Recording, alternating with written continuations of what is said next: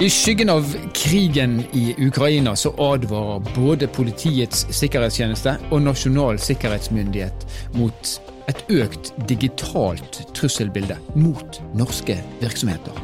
Hvorfor? Hva bransjer er det som er utsatt? Hva kan vi gjøre for å beskytte oss bedre? Det skal vi snakke mer om i denne episoden av Nord-Norge i verden. Mitt navn er Stein Vidar Loftaas.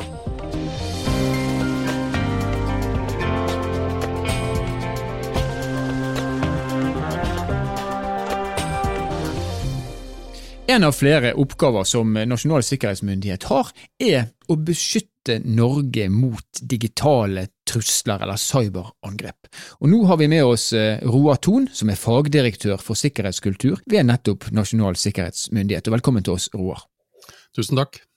Du, eh, det fryktes flere digitale angrep også mot norske virksomheter nå. Hvorfor det? Det er mange årsaker til det, og jeg tror det er viktig å forstå at vi ikke går ifra en sånn slags null til 100-situasjon.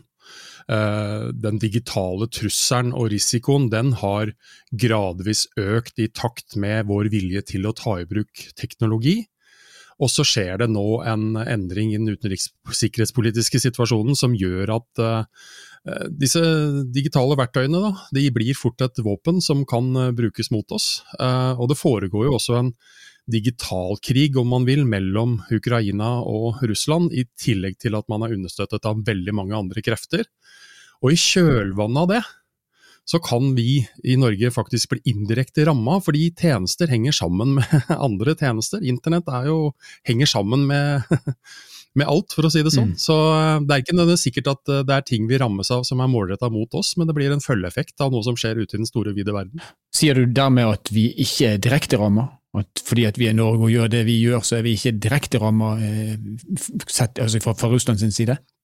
Vi har altså, Uansett hvilken aktør, så har vi som land, som samfunn, som virksomheter og enkeltindivider, så lever vi jo med et uh, kontinuerlig forsøk på å bli hacka. Uh, det tror jeg ikke fullt ut alle forstår egentlig, at vi utsettes for det. Uh, men, men, det gjør vi. så jeg, jeg, vil ikke si at det er en enda større sjanse for at eh, det skjer noe nå, men, men samtidig så er i hvert fall ikke dette tiden til å slappe av og tro at det ikke kommer til å skje noe. Men eh, enten det nå er direkte eller indirekte, er det, er det noen bransjer i Norge som dere anser som spesielt utsatte nå? Nei, nå har jo PST vært ute og sagt uh, litt om bl.a. Uh, olje-, energi- og gassektoren, da, fordi den får en strategisk betydning opp imot gassleveranser til Europa. Men jeg tror det er viktig at vi ikke nødvendigvis henger oss opp i denne bransje- og sektorgreiene hele tiden, fordi en av de tingene vi sliter med når det kommer til digital sikkerhet, det er vår evne til å forstå det, det litt større bildet. Da. For vi har en litt sånn analog måte å tenke på på at dette er en slags sånn røverbande som jobber seg oppover Gudbrandsdalen, og før de når Trondheim så tar de skart til venstre, så nå må de på Vestlandet begynne å passe litt på. Eh, fordi sånn er det ikke. Vi er alle sammen et digitalt mål. Vi er det som samfunn, vi er det som virksomheter, vi er det som enkeltindivider. Og det handler ikke da nødvendigvis om hvem vi er, og hvor vi holder til, og hva vi driver med. Rett og slett fordi vi har en digital tilstedeværelse, så er det noen som ser muligheten der ute. Mm. Men Hvis vi ser litt på det, øh, skal ikke vi være for praktiske i tilnærmingen. Jeg, jeg, skjønner hva du mener med at vi prøver å oversette eh, gamle røverhistorier til nye røverhistorier. Men et, et, angrep mot norske virksomheter, hvordan vil det foregå i praksis?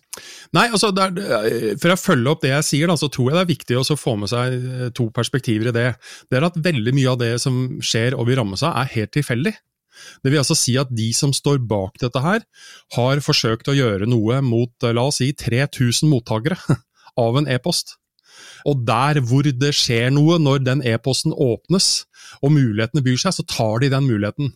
Og de bryr seg sånn sett ikke om de da havna på Vestlandet i Nord-Norge eller på Østlandet. De forsøker å utnytte den muligheten dette gir. Mm. Det er det mer sånn tilfeldig perspektiv over det. Og så finnes det selvsagt målrettede hendelser, hvor man helt klart går løs på et konkret mål, en bedrift, virksomhet, med en klar hensikt. Om det er å tjene penger, om det er å hente ut mer informasjon, om det er å skade virksomheten og gjennom det også skade enda større verdier, eh, det, det kan variere. Men den klassiske måten virksomheter fortsatt blir altså angrepet på, er det jeg nettopp sa. Det er e-posten med vedlegget, lenken eller et tekstinnhold som ber mottakeren om å gjøre et eller annet man ideelt sett ikke skal. Mm. Så der står vi som mennesker i uh, førstelinjes forsvar, for å si det sånn, og så må man understøtte der med, her med gode teknologiske tiltak som da rett og slett hindrer at noe mer skjer når jeg f.eks. åpner uh, e-posten og vedlegget. Mm. Så Hvis man da tar utgangspunkt i det du nevnte i sted, trussel mot norsk olje- og gassvirksomhet, altså som en konsekvens av krigen i Ukraina nå, så vil fortsatt innfallsvinkelen, det må man kunne forvente, den vil være at man går via enkeltindividet, via mailboksen. Det, det er fortsatt på det nivået man er. Ja, men, men, så skal man også samtidig si at det jeg sier hovedantallet av den måten dette skjer på, det skjer via den veien. Og så finnes det selvsagt en rekke andre sårbarheter som, eh, som, har bekymret. Og vi har jo det siste året vært ute og informert og bedt virksomheter om å passe seg for flere sårbarheter gjennom alt ifra uh, små uh, programvarer som, som, rett og slett gjør at man logger systemene sine, som har en sårbarhet som gjør at i verste fall noen kan logge seg rett inn i systemet ditt uten å sende noen e-post, for å si det sånn. Så det eksisterer veldig mange sårbarheter her. Ja. Uh, og så er det jo spørsmålet er de sårbarhetene kjent? I så fall så bør jo virksomheter gjøre noe med dem, lukke dem rett og slett. Og så er det den usikkerhetsmomentet som vi hele tida lever med, at det finnes også garantert en rekke sårbarheter som bl.a. nasjonalstater og andre holder veldig tett, tett til brystet og kun bruker når de virkelig trenger det. Mm. Uh, for, å, for, å, gjøre et eller annet uh, vi ideelt sett ikke ønsker at de skal gjøre. Mm. Og da, Nå nevner du eh, nasjonalstater, og når PST nå har, eh, har oppskalert trusselbildet, eh, og vi da tenker oss at det er russere i andre enden som gjør noe, enten mot oss direkte eller indirekte, eller mot andre, er det nasjonale aktører? altså Er det, er det da russere som opptrer på vegne av den russiske staten, på vegne av Putin, eller er det tilfeldige og selvstendige hackergrupper som utgjør denne trusselen? Det er jo det som, altså Dette er sammensatt, da, for det er jo det som til en viss grad gjør det vanskelig å skulle noen ganger bestemme seg for å finne ut av hvem er det som forsøker å gjøre dette med oss, og hva er motivet? Var det for å tjene penger, eller var det for å, for å skade oss eh, fordi et eller annet viktig for oss blir satt ut av, eh, ut av drift, rett og slett? Hele kategorien er i spill her. Fordi man har et kjøp og salg av tjenester fra godt organiserte kriminelle aktører, organisasjoner hvis man kaller det, hackergrupper, som, som jobber eh, nesten for høystbydende til tider, med en høy grad av uh, deniability, for å si det på dårlig, dårlig norsk, uh, av hvem som egentlig står bak. Og så finnes det selvsagt uh, myndighetskapasiteter i de aller fleste land til å gjøre disse tingene. men det som nå er spesielt i denne situasjonen her, er at vi også har fått introdusert noe vi, som helt klart har vært her en stund, men som har blitt veldig aktualisert, og det er det vi kan kalle cyberpatrioter. Det vil altså si at mange tar stilling til konflikten, og bruker sin teknologiske kunnskap til å skape å si, kaos og, og, røre oppi dette her, eh, egentlig fra begge parter. Så man har jo hatt da ulike hackergrupperinger, godt kjent fra før, som nå har tatt en offentlig stilling i konflikten, og som bruker sine ressurser til å skade den andre parten i konflikten. Det er interessant. Da er det på en måte på vegne av, men ikke på oppdrag av. Eh, hvis vi nå skal flytte oss eh, fra beskrivelse av situasjonen og til å snakke om hva det er viktig å gjøre, hva er de gode rådene for de mange små og mellomstore bedriftene som vi har i Norge, eh, for å beskytte seg mot den økte trusselen nå for, eller fra spionasje eller angrep? Altså, igjen, her, her, er det veldig mye som kan og bør gjøres. så Jeg skal ikke gå inn i alle detaljene, jeg skal nevne noen. Men uh, i, grunnlagsmessig så har vi noe vi kaller NSMs grunnprinsipper, som er tilgjengelig på NSMs sider. og som er, Der er det ganske mye fornuftig for, for virksomheter å gjøre. Men for å ta den litt sånn forenkla delen, så er det eh, det er litt av de samme tingene som eh, denne bransjen jeg tilhører har mast i mange år å ha gode rutiner på bl.a. å oppdatere systemene sine. Mm.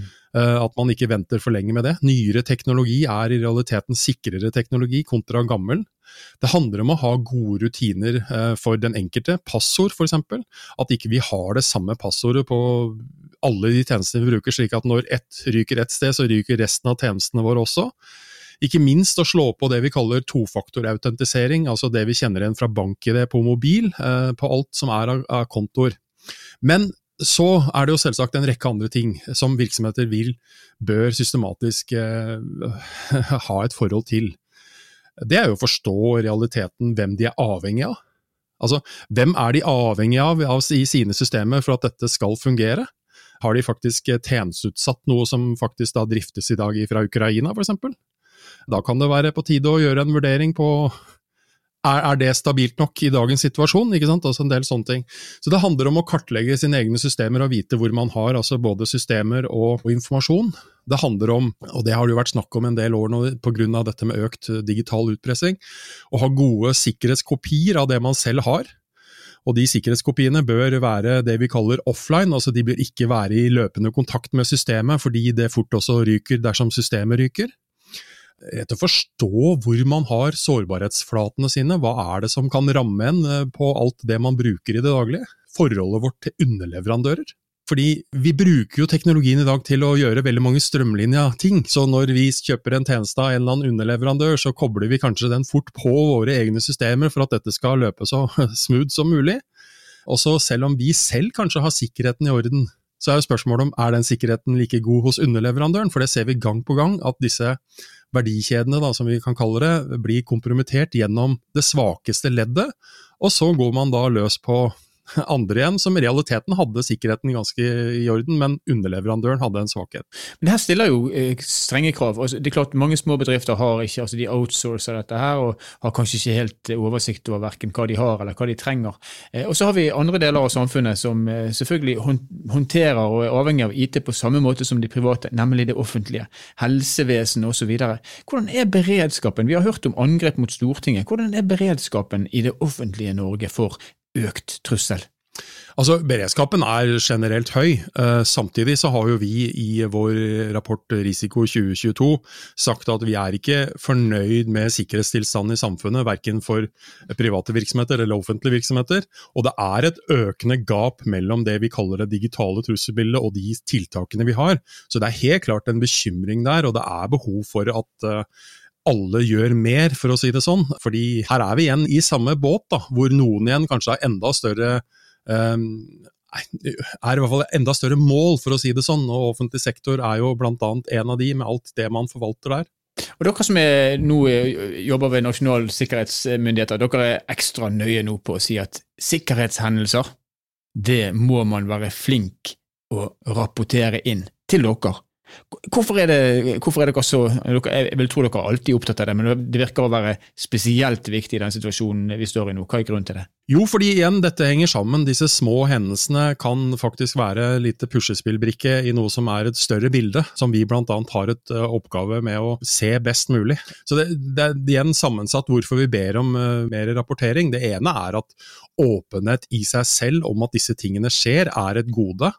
Eh, vi kan altså sånn sett både uh, gjennom det virksomhetene rapporterer, bruke det til å advare andre virksomheter om metoder og at dette skjer, slik at de ikke blir offer neste dag, for å si det på den måten. Uh, samtidig som det gir oss da et bedre bilde av hva som skjer. Fordi igjen, det er ikke noe sånn at alt er bare enkelthendelser, det kan være satt litt mer i system og litt mer gjennomført enn som så, og da trenger man alle disse, alle disse bitene. Ja. Men vi er jo, vi er jo alle si, utsatt, og vi er alle truffet av svindelforsøk, jeg vil, jeg vil, si nesten på en daglig basis. Og For ikke at dere skal gå i overload, hva er det slags sikkerhetshendelser dere ønsker å få, få rapportert inn, og hvordan gjør det? Ja, altså rett og slett bare skille litt, altså, At du og jeg blir utsatt for si, en svindel-e-post, er ikke det vi ber om. Eh, det er når virksomheter utsettes for klare forsøk, og hvor ting kanskje blir ustabilt. Det er noe nedetid, og man eh, får varsler i de systemene man har. Det finnes andre måter du og jeg kan rapportere dette her på når det gjelder oss som enkeltindivider i forhold til politiet osv., så, videre, så det er et litt annet løp. Men det er til syvende og sist altså når man blir utsatt for alt ifra et forsøk på det vi kaller løsepengevirus, eh, hvor, man, eh, hvor, man, greier å stanse det, eh, men allikevel så er det viktig å få informasjon om at man faktisk ble utsatt for det. Når man kanskje opplever at ingenting fungerer et lite kort øyeblikk fordi man er utsatt for et såkalt tjenestenektangrep, hvor altså man blir, får en for mange henvendelser på hjemmesida si, for å si det på en litt enkel måte. Så det, det er mange ting her som, som man kan og bør reagere på. Som, som, igjen da kan ha en større betydning for helhetsbildet enn bare den isolerte hendelsen. Hvordan gjør man det? Hvordan går man frem for å rapportere det? Du, vi har en uh, egen side på våre hjemmesider uh, hvor man da kan varsle. Og så er det to egentlig varslingsknapper. For den ene er uh, sånn sett at den er for virksomheter som er underlagt sikkerhetsloven. For der er det helt spesifikke lovkrav om å varsle når man har sikkerhetstruende hendelser. Og så er det en for de som ikke er det. og så er det viktige ting å få med seg rundt dette med varsling, er at det er ikke sånn at uh, når virksomheter varsler, så, det, så, kaller vi inn til pressekonferanse og forteller at bedrift X har hatt en hendelse. Den hendelsen eies av virksomheten selv, og de skal selv få lov til å velge om de vil stå fram offentlig med, i lokalavisa eller i media generelt om at denne hendelsen eksisterer. Men det er viktig for oss allikevel å få den informasjonen for å sette sammen dette helhetsbildet. Og ikke minst kunne varsle uten å si navnet til virksomheten som har hatt hendelsen før, men å varsle andre virksomheter på at de kan være forberedt på det samme. Kan du si litt om, om det dere gjør? altså Dere pusler sammen dette bildet. Eh, all den informasjonen dere har, og den informasjonen dere får fra de som varsler dere, det anvender dere selvfølgelig til å, til å varsle, vil jeg tenke. Men hva, hva, annet er det dere gjør eh, for å beskytte landet, for å si det sånn, da, eh, mot, mot de truslene som vi her snakker om? Ja, altså uh, igjen, uh, Vi er jo en sammensatt organisasjon, så vi snakker jo ikke bare om digital sikkerhet. Vi snakker om personellsikkerhet, fysisk sikkerhet og en rekke forskjellige tiltak. Men hvis vi holder oss til det digitale, så er jo det sentrale hos oss er jo stor grad det som da heter Nasjonalt cybersikkerhetssenter, som er uh, et senter hvor vi sitter sammen med de andre hemmelige tjenestene, politiet. vi har noen og 40 partnere fra offentlige og private virksomheter som også har en liaison i dette senteret, hvor man deler eh, informasjon kjappest mulig med hverandre. I tillegg så finnes det noe som heter VDI, varslingssystem for digital infrastruktur, som er en sensorer rett og slett som står ute på viktige steder, og som gir oss viktig informasjon om når det skjer uregelmessigheter eh, i, i, systemer som gjør at her må man altså undersøke dette nærmere. Eh, så når, eh, i en tenkt tanke, når, når, når plutselig datatrafikken klokka tre om natta eh, fra en virksomhet med en sånn sensor våkner til live og begynner å sende masse data til et annet land, og det ikke har skjedd før, så er det en uregelmessighet som man da helt klart ønsker å vite mer om hvorfor skjer dette. Uh, og så viser det seg da om det da er noe vi virkelig skal være bekymra for, eller at det viser seg å være en helt naturlig hendelse også.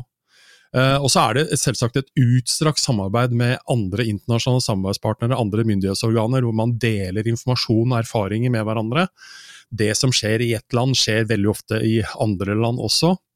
Og vi snakker jo her veldig ofte om eh, teknologi som sånn sett er ganske lik. altså om man bruker ord som eh, malware eller virus eller eh, ondsinna kode. Dette er jo koder som i hvert fall er like hverandre, og som brukes eh, på tvers av landegrensene. Tusen takk for at du kunne være med oss, Roar Thon, fagdirektør for sikkerhetskultur ved Nasjonal sikkerhetsmyndighet. Bare hyggelig. Digitale trusler, cyberkriminalitet, eller cyberkrig for den saks skyld, er ikke nytt. Det har vært over oss lenge, og det har vært eh, noe som har bare økt i omfang. Og så kommer krigen, den konvensjonelle krigen, kan man kanskje si, i Ukraina, som vi står midt oppi nå. Og vi opplever da at trusselen øker som en konsekvens også av det, som om ikke det var ille nok, det som skjer på, på landjorden i Ukraina. Men sånn er det, og digital krigføring, eh, og selvfølgelig da med et tilhørende digitalt forsvar, det er en reell virkelighet, og noe som vi bare må forholde oss til. Og så er det slik at det gjelder ikke bare Forsvaret, det gjelder ikke bare staten Norge, det gjelder både det offentlige og det private Norge når man snakker om virksomheter, og det gjelder faktisk også for deg og meg. Og I øyeblikket så er altså trusselen høy, og vi må alle være ekstra skjerpa. Og Så hører vi Roar si at eh, sikkerhetshendelser, altså når bedrifter utsettes for noe som eh, fører til noe, eller som var i ferd med å føre til noe, så er det fint at det blir rapportert inn til nettopp nasjonale sikkerhetsmyndigheter. Slik at de kan sette sammen et eh, totalt bilde, og da bruke det til å styrke Norge og Norges evne til å stå imot denne formen for, for trusler. Nord-Norge i verden er en podkastserie som er laget av Sparebank1 Nord-Norge i samarbeid med Helt Digital. Musikken du har hørt er laget av Emil Karlsen. Mitt navn er Stein Vidar Loftaas. Vi høres igjen i neste episode.